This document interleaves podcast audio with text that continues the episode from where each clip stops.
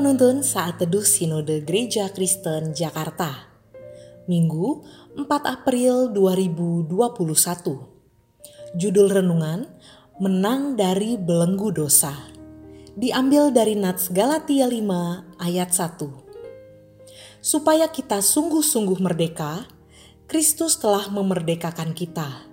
Karena itu, berdirilah teguh dan jangan mau lagi dikenakan kuk perhambaan. Eka Pol Jantawong, pelatih klub sepak bola di Thailand, sering mengajak anak didiknya keluar masuk gua untuk berlatih ketahanan fisik. Naas, satu hari mereka tidak bisa pulang ke rumah akibat hujan deras dan tanah longsor yang menutup pintu masuk gua. Mereka terjebak dengan kondisi lelah dan lapar. Kemudian, keluarga korban melapor ke polisi dan upaya penyelamatan dilakukan. Pemerintah Thailand menerjunkan pasukan angkatan laut untuk menolong para korban. Setelah 17 hari terjebak dalam gua, semua korban berhasil diselamatkan. Belenggu dosa itu seperti manusia dalam gua yang tertutup pintunya manusia tidak dapat membebaskan dirinya sendiri dari belenggu dosa. Hanya pribadi yang berkuasa atas dosa yang bisa menyelamatkan kita. Rasul Paulus dalam Roma 7 ayat 24 mengatakan, Aku manusia celaka. Siapakah yang akan melepaskan aku dari tubuh maut ini? Tubuh manusia lemah akan godaan dosa hukuman bagi orang berdosa adalah maut. Syukurlah Tuhan mengasihi kita. Ia mengutus anaknya yang tunggal, Tuhan Yesus Kristus ke dalam dunia untuk menanggung dosa manusia.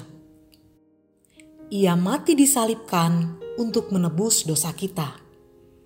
Tiga hari kemudian, ia bangkit untuk menyatakan kemenangannya atas dosa. Kematian dan kebangkitannya membebaskan kita dari belenggu dosa. Firman Tuhan mengatakan, supaya kita sungguh-sungguh merdeka, Kristus telah memerdekakan kita. Sebagai orang yang sudah merdeka, kita harus berdiri teguh dan jangan mau lagi dikenakan kuk perhambaan. Orang yang telah merdeka tidak lagi senang berbuat dosa melainkan selalu berdiri teguh melakukan kehendak Allah. Hari ini kita telah menang dari belenggu dosa.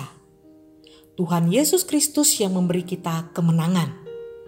Apakah kita sudah bersyukur kepadanya? Balas budi apa yang bisa kita berikan kepadanya? Seharusnya seluruh hidup kita adalah untuk memuliakan namanya. Memuliakan nama Tuhan berarti memahami dan melakukan kehendaknya.